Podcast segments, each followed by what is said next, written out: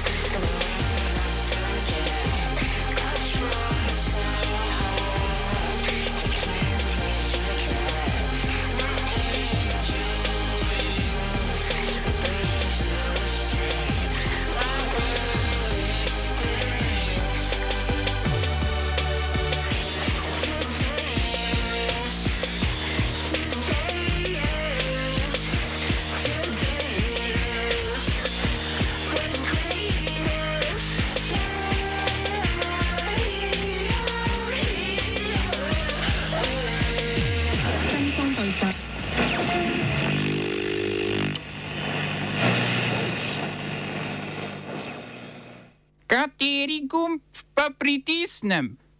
Tisti, na katerem piše OF.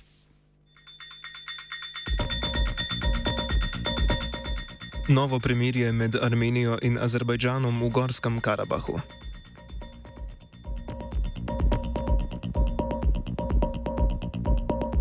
Švedska premijejka Magdalena Andersson napovedala odstop.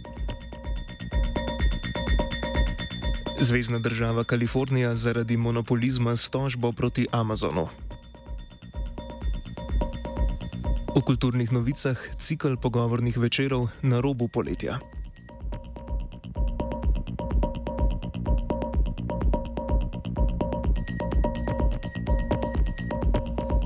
Armenija in Azerbajdžan sta ob posredovanju mednarodne skupnosti sklenila novo premirje v Gorskem Karabahu, je sporočil sekretar Armenskega varnostnega sveta Armen Grigorjan.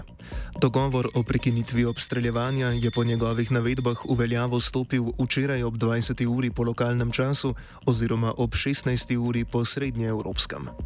Po medijaciji Rusije sta se državi o prenehanju vojskovanja sicer dogovorili že v torek, malo po začetku spopadov v ponedeljek po noči, vendar so se med uradnim Erevanom in Bakujem kmalo zvrstile obtožbe o kršitvah sklenjenega premirja. Sinoči je v armenskem glavnem mestu potekal shod proti premijeju Nikolu Pašinjanu, ki ga protestniki obtožujejo popuščanja Azerbajdžanu.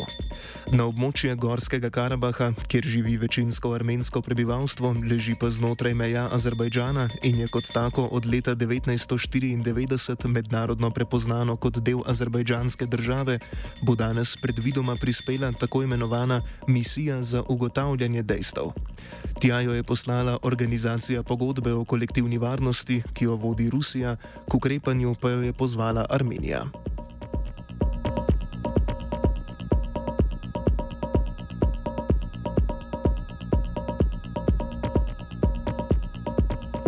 Švedska premijejka Magdalena Andersson je po skoraj vseh preštetih glasovih na nedeljskih parlamentarnih volitvah napovedala svoj odstop. Čeprav zaradi tesnega izida uradni rezultati še niso razglašeni, je Anderson s tem priznala poraz socialdemokratov, ki sicer ostajajo najštevilčnejše zastopana stranka v švedskem parlamentu, a so rodnimi strankami na levi sredini, zelenimi levico in stranko centra, brez večine.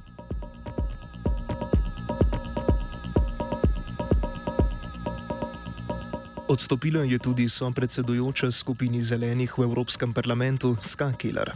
Zato se je odločila, ker želi skupini dati dovolj časa, da se z novim vodstvom pripravi na volitve v Evropski parlament, ki bodo čez dve leti. Do izvolitve naslednika, ker na kar naj bi se zgodilo oktobra, bo skupino vodil Filip Lamberts, ki je skupaj s Keller sopredsedoval skupini zelenih od leta 2016. Keller sicer ostaja ena izmed 72 poslank in poslancev zelenih v Evropskem parlamentu.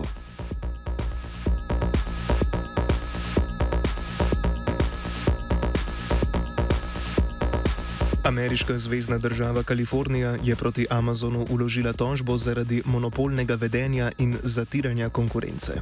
Tehnološkemu velikanu očita, da je od prodajalcev na svoji spletni strani zahteval nižje cene, kot so bile postavljene na spletnih straneh konkurenčnih podjetij, in jih silil v sporazum, po katerem so pristali na kazen, če bi druge ponudili nižje cene. V tem primeru jih je Amazon postavil nižje na lestvico iskanja proizvodov. Prav tako naj bi Amazon silil prodajalce v sporazume, po katerih morajo plačati razliko, če Amazon zniža cene prodajnih artiklov zaradi nižjih cen pri, konku pri konkurenci. Zvezdna država Kalifornija s tožbo tako zahteva, da Amazon preneha kršiti protimonopolno zakonodajo in imenuje posebnega nadzornika, ki bo poskrbel za upoštevanje pravil. Podobno tožbo je vložila tudi prestolnica Washington in jo marca na sodišču sicer izgubila, a je napovedala pritožbo.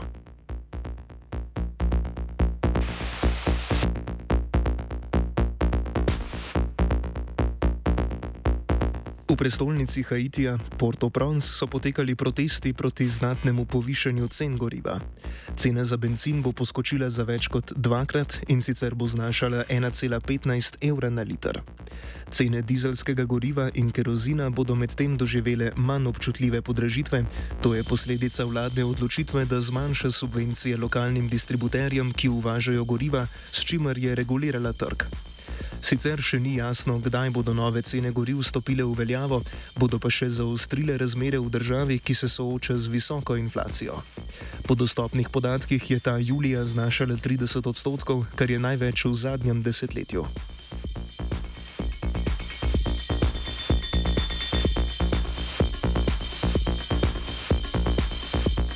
Rusko vrhovno sodišče je razveljavilo dovoljenje za spletno objavljanje neodvisnega časnika Nova Gazeta. De facto prepoved spletnega delovanja je zahtevala Zvezdna služba za nadzor komunikacij in informacijske tehnologije Roskom nadzor in sicer na podlagi domnevne kršitve zakona o tako imenovanih tujih agentih.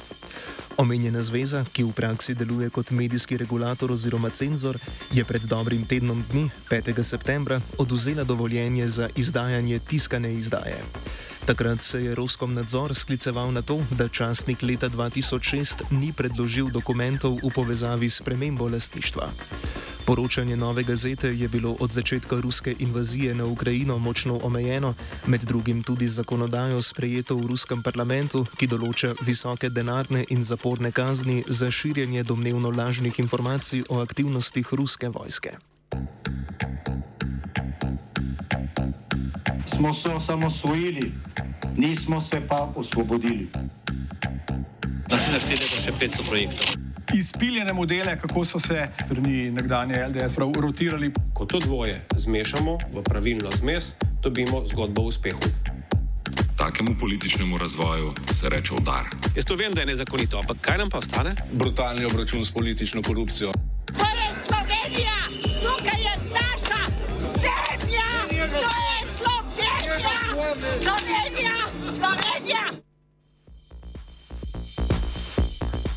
Matični odbor za delo, družino, socialne zadeve in invalide je z desetimi glasovi proti petim potrdil vladni predlog spremembe družinskega zakonika.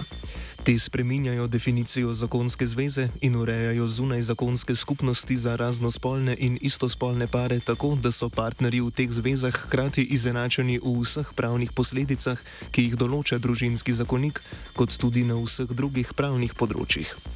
Vladni predlog sprememb družinskega zakonika sledi odločitvi ustavnega sodišča, ki je julija istospolnim partnerjem omogočilo sklenitev zakonske zveze in posvojitev otrok.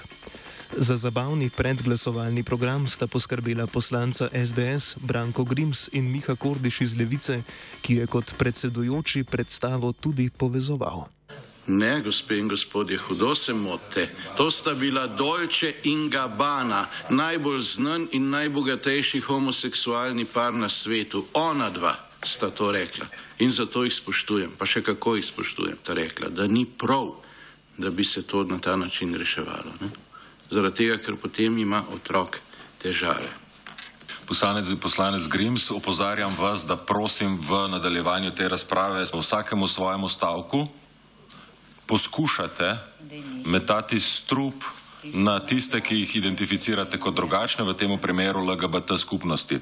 Ker to, kar počnete, veste, to ima svoj izraz, temu se reče sovražni govor. Hvala za ta odličen primer totalne zlorabe poslovnika in pa funkcije vodenja e, odbora. To bo dodaten argument pri predlogu za vašo razrešitev, pa tudi za morebitno kazensko vadbo, tako da kar izvolite še nadaljevati v tej smeri naprej. Dajmo še enkrat ponoviti nekatere stvari. Ne? Deklaracija o otrokovih pravicah zelo jasno določa, da mora otrok uživati posebno varstvo in da mu je treba omogočiti, citiram, psihično, moralno, versko in družbeno zdravo in normalno družine. Družine, kjer je oče moški, mati ženska in to je edina normalna družina. Znova vas opozarjam, poslanec Grims, obstajala... v naši družbi poznamo raznorodne oblike družin. Gospod predsedujoči, po vašem mnenju je deklara, splošna deklaracija človekovih pravic sovražni govor. Zelo zanimivo, originalno. Bil sem zraven pri pisanju slovenske ustave, gospe in gospodje. In kdorkoli to drugače tolmači, se spreneveda, to ni ne zavarovanje družine, ampak je njeno izkrivljanje, izkrivljanje namena, s katerim je bila sprejeta ustava, je izkrivljanje Poslanec namena, Grims, nadaljujete s svojimi pripisovanjem, pripisovanjem manj vrednih lastnosti tega- pripadnikom LGD skupnosti in istospolnim parom, čež da so nenaravni, da niso družina, kot ste že prej sami navedli, ampak štiri pom- pominev kasneje, ko nadaljujete in stopnjujete svoje stekle napade na družbeno šibkejše od vas, na LGBT skupnost, samo zato, ker vam niso všeč, vam jemljem besedo. OF sta pripravila vajenka Zala in Fabian.